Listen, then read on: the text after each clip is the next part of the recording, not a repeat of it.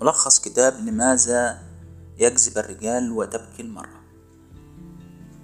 هذا الكتاب يعرض لنا بعض الأسرار بخصوص المرأة وبخصوص الرجل. وسوف يتم عرض الملخص كاملا وإليك النبذة. أن هناك عدة طرق سرية بالنسبة للنساء حيث أن النساء ترغب في أن تتحدث كثيرا. لذلك يجب على الرجل أن يفهم هذه الصفة في النساء.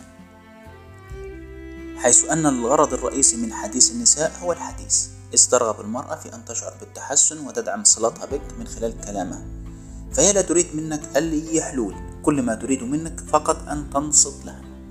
ثانيا أن المرأة لا تتعامل ما بطريق مباشر. عندما تطلب شيئا فهي لا تطلبه بطريقة مباشرة. لذلك يجب على الرجل أن يفهم تلك النقطة جيدا. وهذا سبب خلاف بين الرجل والمرأة حيث أن الرجل يطلب بصيغة مباشرة وبصورة مباشرة بينما المرأة ليس لديها الأسلوب المباشر. ثالثا مبالغات النساء. يجب أن يعرف الرجل أن المرأة عادة عند حديثها تبالغ في بعض الأمور لذلك يجب عليه ألا يقف حرفيا على كل كلمة وكل حرف تقوله ولا يطلق عليها مسمى ملكة الدراما ولا يصحح سلوكها كذلك أن المرأة تهتم بالتفاصيل الدقيقة. إذا كنت رجلا فعليك أن تفهم أن حاجة المرأة إلى معرفة كل التفاصيل والمعلومات الشخصية تعود إلى رغبتها في استمرار العلاقة ولأنه شيء متأصل داخل نفسها. لذلك عندما تتحدث إلى امرأة حاول أن تمدها ببعض التفاصيل أكثر مما كنت ستفعل في الأحوال الطبيعية. كما أنه يوجد سبع أشياء يقوم بها الرجل تدفع النساء إلى حد الجنون. تقديم الرجل نصائح بصفة مستمرة. التنقل بين قنوات التلفاز وهم يجلسون معا بجهاز التحكم. ثالثا يصر الرجال على ترك مقعد المرحاض مفتوحا. رابعا عدم رغبته في الذهاب إلى التسوق. بالإضافة إلى بعض الصفات المقززة في الرجال سوف نستعرضها في الملخص. كما يتحدث الكتاب عن الرجال والابتزاز العاطفي وكيف تتعامل مع المبتز عاطفيا. وهذا في الجزء الثاني من الكتاب. كما يتكلم الكتاب أيضا عن دخول التنين. ويطلق بدخول التنين هو المقصود به الحموات. وهل هما مصدر تعاسة أو سعادة بالنسبة للأزواج؟ حيث أن الحموات كانت مصدر خصبا للنكات أكثر من أي شخص. آخر على وجه الأرض كما أنهن دائما ما يكن مصدر للفكاهة في المسلسلات الكوميدية وهذا ما سنتعرف عليه أيضا. واستعرض الكتاب بعض القوى الجاذبية بالنسبة للمرأة وبالنسبة للرجل فبخصوص المرأة القوام الرياضي السيقان الطويلة العينان الجاذبتان الشعر الطويل الأنف الصغير البطن المسطحة العنق الطويل وبالنسبة للرجل الجسد الرياضي الكتفان العريضان الذراعان المفتولتان الفم الصغير الشعر الكثيف العينان العطوفتان أنف وذقن لافتان بطن مسطحة لحية خفيفة.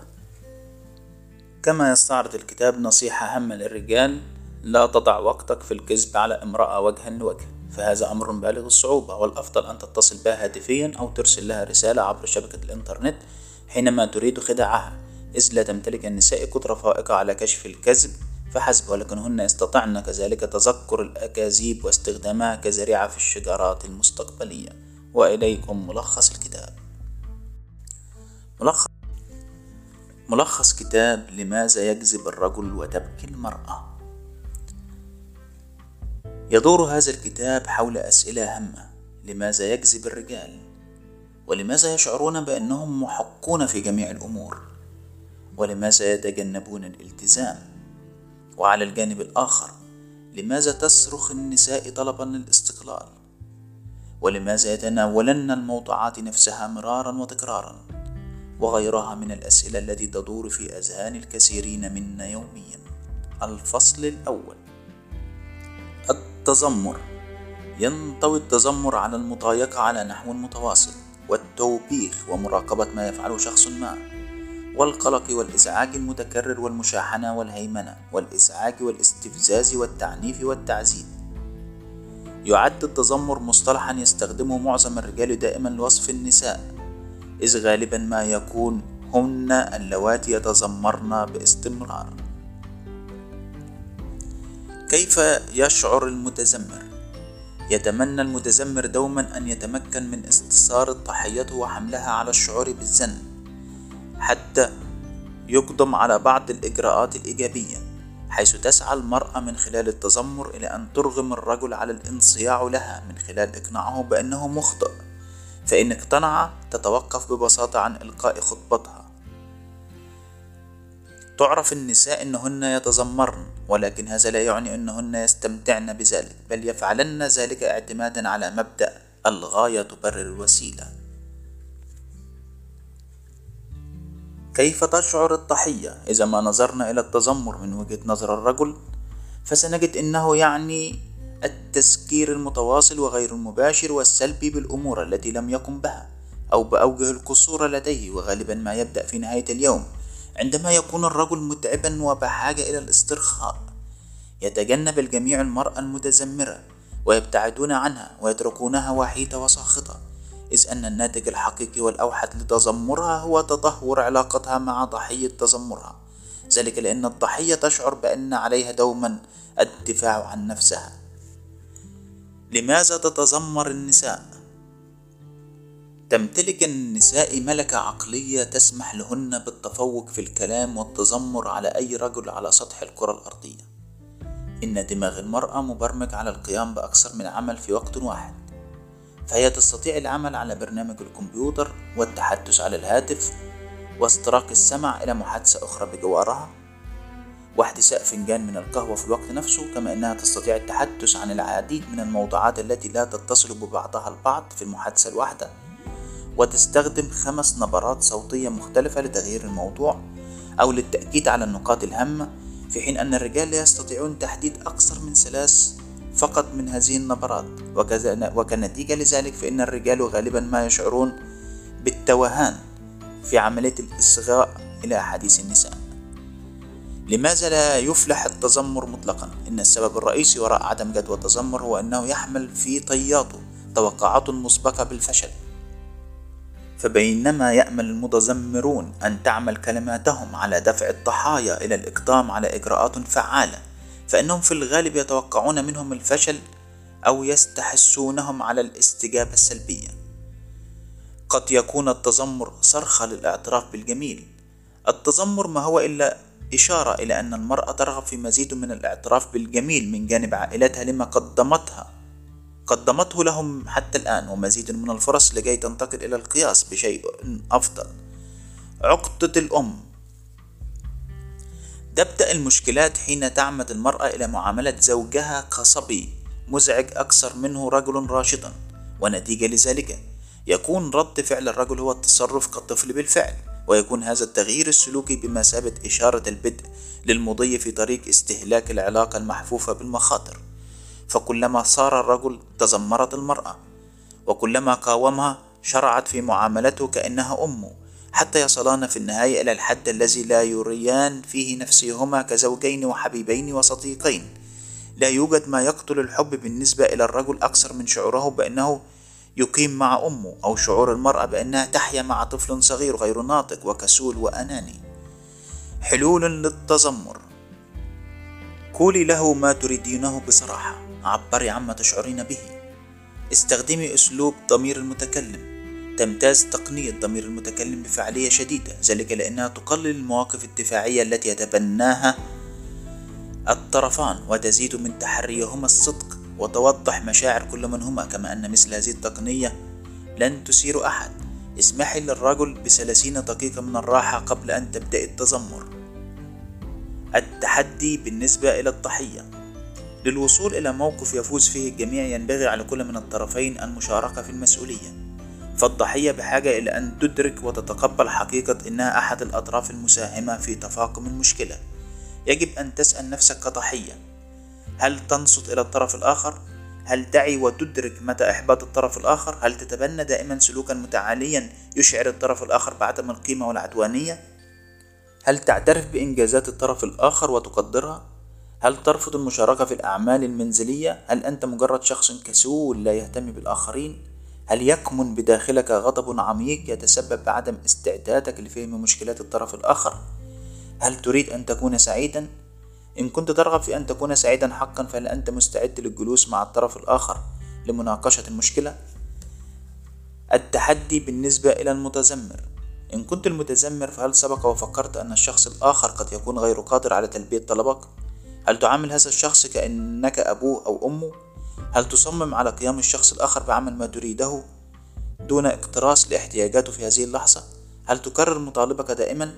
إن جاءت إجابتك عن أي من هذه الأسئلة بالإيجاب فأجلس مع الطرف الآخر وكن مستعدا للتواصل معه باستخدام أسلوب ضمير المتكلم وقم بالآتي.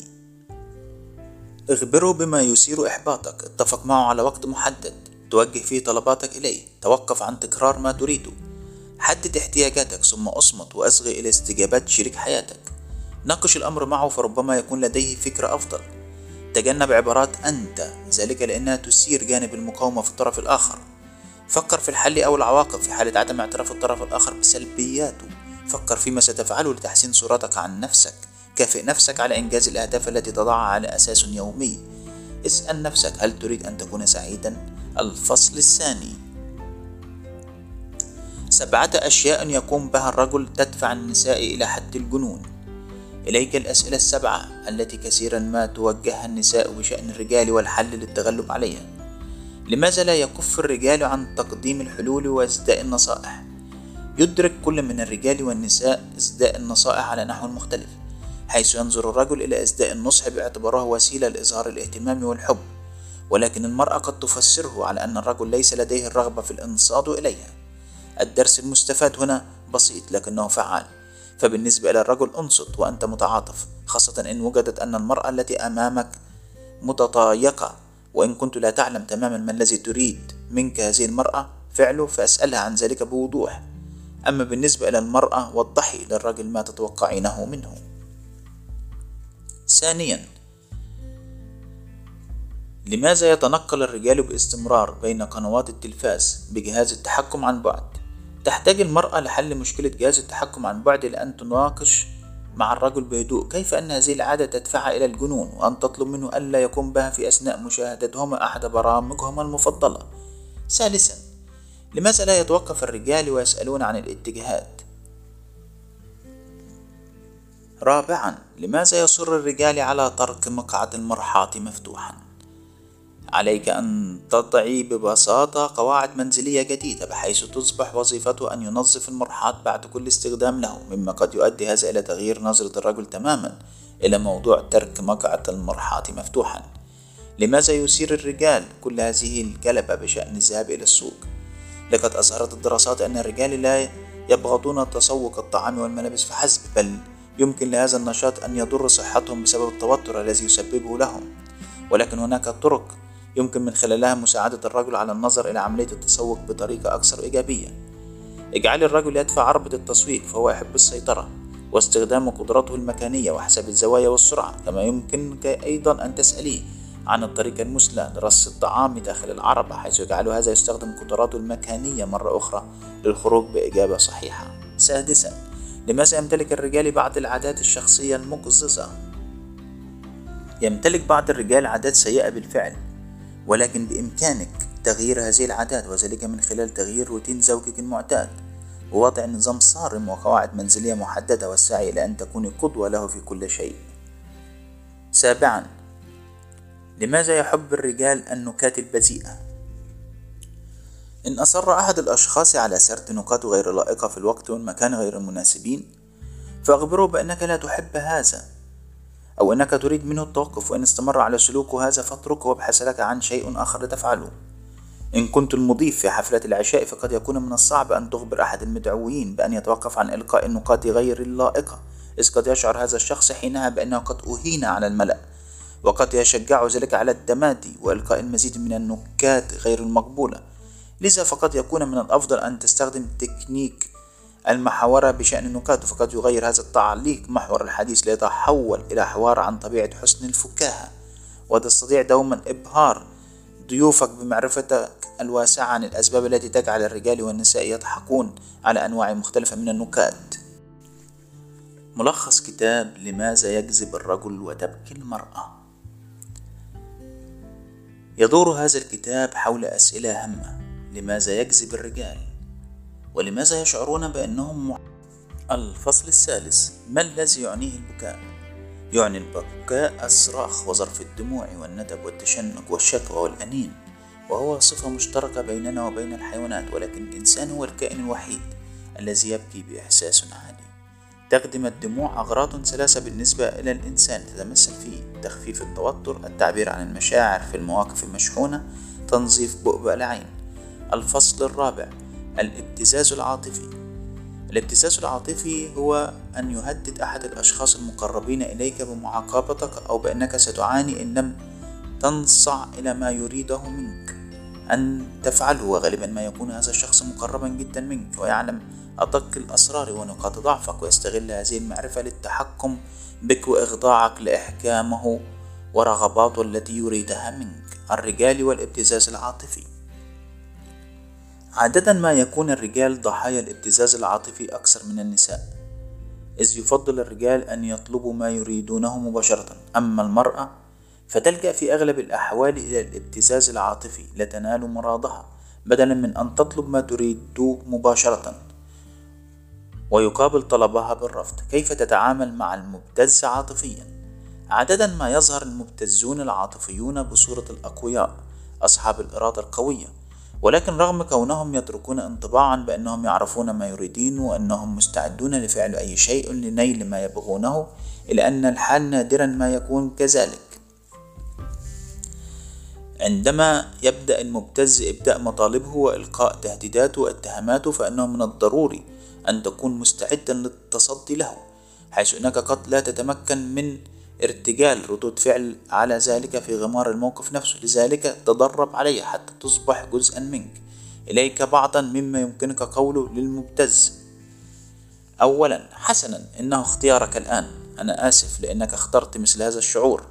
إنه لمن الواضح أنك غاضب. لذا دعنا نناقش هذا الأمر عندما تهدأ. حسنا أنا لا أتفق معك في هذا الرأي. أستطيع أن أرى أنك لست سعيد ولكن تلك هي الطريقة التي تسير بها الأمور. أعتقد أن هذا الأمر يتطلب الكثير من التفكير لذا دعنا نتحدث بشأنه في وقت آخر. إننا نرى الأمور من منظور مختلف. قد تكون محقا ولكن دعنا نفكر في هذا الأمر قليلا قبل أن نتخذ قرار نهائيا بشأنه. يبدو أنك محبط ولكن هذا الأمر غير قابل للتفاوض. قد يتحول الابتزاز إلى عقوبة مدى الحياة. عندما تستسلم للتهديدات الأولى للمبتز ستجد نفسك في دائرة يصبح من الصعب إيقافها تدريجيا إذ بمقدور المبتز أن يدمر الضحية عاطفيا ونفسيا وماديا. عندما تتقلد دور الضحية ولو لمرة واحدة فقد تضطر إلى تقلده طوال حياتك مما يحرمك من فرصة إيجاد السعادة والحب وبهج أن تعيش حياة خالية من الشعور بالذنب. الفصل الخامس أهم سبعة أسرار عن الرجال. إليك أكثر سبعة أسئلة. قامت بطرحها النساء على مر التاريخ لماذا لا يعرف الرجال الكثير عن حياة أصدقائهم؟ لماذا يشعر الرجل بأنه يجب أن يكون محقا في كل شيء؟ لماذا يحب الرجال الناضجون لعب الصبية؟ لماذا لا يستطيع الرجال القيام بأكثر من عمل في وقت واحد؟ لماذا يحب الرجال الرياضة إلى هذه الدرجة؟ عما يتحدث الرجال في دورة المياه لما يتجنب الرجال الالتزام مشكلة النساء أنهن يحاولن تحليل سلوك الرجل من وجهة نظر أنثوية ويصبح سلوك الرجل محيرا بالنسبة إليهن نتيجة لذلك ولكن في الحقيقة لا يتسم ما يبدر ويصدر من الرجال بعدم العقلانية وكل ما في الأمر أن طريقة تفكيرهم تختلف عن طريقة تفكير النساء. الفصل السادس دخول التنين. تعد الحموات مصدر خصبا للنكات أكثر من أي شخص آخر على وجه الأرض. كما أنهن دائما ما يكن مصدرا للفكاهة في المسلسلات الكوميدية ودائما ما يصورن على أنهن عجائز قبيحات أو سيدات مشاكسات أو سليطات في حين تثبت الحقائق أن الحموات يتسببن بمشكلات حقيقية بين العديد من الأزواج والزوجات وأن ثلث الأزواج المنفصلين يكون السبب حدوث صدع في العلاقة إلى الحموات إلا أن والدة الزوجة ليست من يتسبب بمعظم هذه المشكلات فقد توصلت الأبحاث إلى أن والدة الزوج هي من تحرض هذه المشكلات غالبا. لكن بالطبع لا تنطبق صفة الولع بالتسبب بالأذى على جميع الحموات حيث وجد بحث أجرته جامعة ولاية يوتا أن 50% من الحموات مثيرات للمتاعب وأن 50% الأخرى تمثل حموات محايدات أو محبات وكريمات. الفصل السابع. طرق المرأة السرية في استخدام الكلمات. لقد أجريت أبحاث على الرجال من مختلف الجنسيات وقد أصبح في استطاعتنا نتيجة لهذه الأبحاث أن نكشف للمرة الأولى المنطق الخادع وراء الأسئلة الخمسة الأكثر توجيها من الرجال حول الطريقة التي تتواصل بها المرأة. ستكون هذه الأسرار مصدر للبهجة والحيرة في الوقت نفسه بالنسبة إلى معظم الرجال ولكن بالنسبة إلى هؤلاء الذين يتركون بالفعل هذه الحقائق فستأخذ إعادة قراءتها هنا بعلاقتهم مع الجنس الآخر خطوة نحو الأمام. لماذا تتحدث النساء كثيرا؟ حل للرجل حاول أن تدرك أن الغرض الرئيسي من حديث النساء هو الحديث إذا ترغب المرأة في أن تشعر بالتحسن وتدعم صلتها بك من خلال كلامها ولا تريد أي حلول وكل ما عليك فعله أن تصغى إليها وتشجعها على مواصلة حديثها. إذ لا يهم مضمون حديث الرجل المرأة في شيء بل أن ما يهمها حقا هو مشاركته الإيجابية. حل للمرأة حددي موعد مع الرجل إن أردت أن تتحدثي معه وأخبريه إنك تريدين أن يصغى إليك دون أن يقدم حلول ولا تحاول التزام الصمت مع الرجل ثم تشعرين بالاستياء لأنه لم يلاحظ أنك لا تتحدثين معه. ذلك إلا أن الرجل يستمتع بهذا الهدوء الذي يسمح له بأن يسترخى.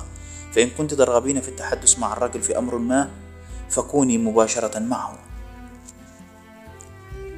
لماذا ترغب النساء دوما في التحدث عن المشكلات؟ عندما تتحدث المرأة عن مشكلة ما ويبدو لك حديثها بلا جدوى تذكر أنها بحاجة إلى التحدث لكي تشعر بشعور أفضل لذا اصغى إليها بحرص وأخبرها أنك ستتواجد دائما من أجلها وأنك على استعداد دائم للإصغاء إليها متى احتاجت. فهذا أسهل من أن تحاول حل المشكلة ليس له وجود كما أنه يرفع حصيلتك من النقاط على نحو كبير. إن لم تستطيع التجاوب الفوري مع حديث المرأة فاسألها برفق إن كان بإمكانها تأجيل الحديث بشأن هذا الموضوع إلى يوم آخر حتى تخف حدة المشكلة. لماذا تبالغ النساء؟ مبالغة النساء. إذا كنت رجل فعليك أن تفهم حاجة المرأة إلى المبالغة في المحادثات العاطفية. لذا لا تتعامل مع كلامها حرفيا ولا تطلق عليها أبدا مسمى ملكة الدراما. ولا تصحح سلوكها أمام الآخرين بل تمهل قليلا وحاول أن تصغى إلى مشاعرها الحقيقية. دون أن تملي عليها ما يجب عليها الشعور به أو فعله. كذلك الأمر بالنسبة إلى المرأة. إذ ينبغي على النساء أن يدركن أن الرجال يتعاملون مع الكلمات حرفيا لذا يجب أن يحرصن على التحدث عن الحقائق ويبتعدن عن المبالغة التي عادة ما تكون محيرة ومكلفة. لماذا لا تتحدث النساء بشكل مباشر؟ تستخدم المرأة عادة الأسلوب غير المباشر لتدعيم أواصر الصلة الصلة مع غيرها من النساء. لكن على النقيض من ذلك ينبغي أن تستخدم الأسلوب المباشر فقط مع الرجال. قد يبدو الأمر صعبا في البداية ولكنك ستحصلين مع الممارسة على النتائج التي ترغبينها وتقل الخلافات بينك وبين شريكك بصورة ملحوظة. حل للرجل إذا كانت هناك امرأة تتحدث إليك ووجدت صعوبة في فهم حبكة كلامها فاجلس مسترخيا وانصت إليها. ثم ابتعد دون أن تقدم لها حلول. وفي أسوأ الأحوال ضع لها حدا زمنيا. أريد أن أشاهد أخبار الساعة السابعة يا عزيزتي ولكن إلى ذلك الحين فكل أذان صاغية. عندما تقوم بذلك ستفرغ كل شحنتها من الحديث وتشعر بالسعادة والاسترخاء دون أن تضطر إلى القيام بأي شيء. لماذا تريد النساء جمع التفاصيل الدقيقة؟ حل للرجل إذا كنت رجل فعليك أن تفهم أن حاجة المرأة إلى معرفة كل التفاصيل والمعلومات الشخصية تعود إلى رغبتها في استمرار العلاقة. ولا إنه شيء متأصل داخل نفسها. لذا عندما تتحدث إلى امرأة حاول أن تمدها ببعض التفاصيل أكثر مما كنت ستفعل في الأحوال الطبيعية. فمثلا ارتداء حذاء العدو واصطحب زوجتك في جولة طويلة سيرا على الأقدام واتركها تتحدث كيفما تشاء. ستكون بهذه الطريقة قد مارست الكثير من التمرينات الرياضية وأرضيت زوجتك في الوقت نفسه. حل للمرأة. تفهمي أن كثرة التفاصيل تقود الرجال إلى الجنون وتصيبهم بملل شديد. لذا في اجتماعات العمل كوني مختصرة وموجزة. وفي المنزل اخبر الرجل بالوقت الذي ترغبين في التحدث فيه. وضعي له إطار زمني وأحدي علما بأنه ليس مضطر إلى تقديم حلول وأن كل ما عليه فعله هو أن ينصت إليك. فحسب ولا تستمري في سؤاله هل أنت منصت أو ماذا قلت للتو. الفصل التاسع قوة جاذبية المرأة. عوامل انجذاب الرجال إلى النساء مرتبة تنازليا. القوام الرياضي السيقان الطويلة الخصر النحيل العينان الجذابتان. الشعر الطويل الأنف الصغير البطن المسطح الظهر القنطري العنق الطويل. إن الحقيقة التي لا مجال للشك فيها أن مظهر المرأة قد يلفت انتباه الرجل إليها أو ينفره منها. في أي وقت من علاقتهما وهي حقيقة تجعل العديد من النساء يستشطن غضبا. فهن يعتقدن أنه ليس من العدل أن تجعل التجاعيد والشعر الأبيض من الرجل شخصا حكيما ومميزا.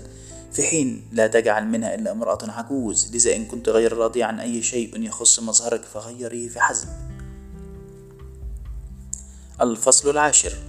عوامل الجاذبية لدى الرجال الجسد الرياضي الكتفان العريضان والذراعان المفتولتان الشعر الكثيف الفم الصغير العينان العطوفتان أنف وذقن لافتان بطن مسطح لحية خفيفة. الفصل الحادي عشر ما الذي ترغبه المرأة على الأمد الطويل.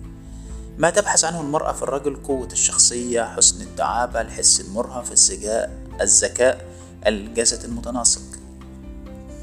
كي تصبح رجلا يتمتع بمزيد من الجاذبية فعليك أولا أن تعمل على تنمية مهاراتك في التواصل. هو بإمكانك الالتحاق بإحدى الدورات التعليمية المنتشرة في كل مكان.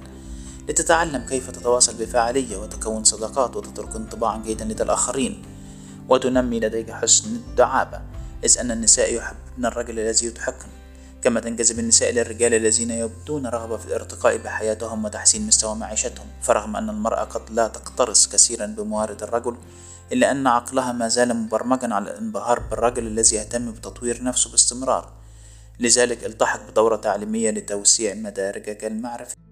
الفصل الثالث ما الذي يعنيه البكاء؟ يعني البكاء الصراخ وظرف الدموع والندب والتشنج والشكوى والأنين وهو صفة مشتركة بيننا وبين الحيوانات ولكن الإنسان هو الكائن الوحيد الذي يبكي بإحساس عالي.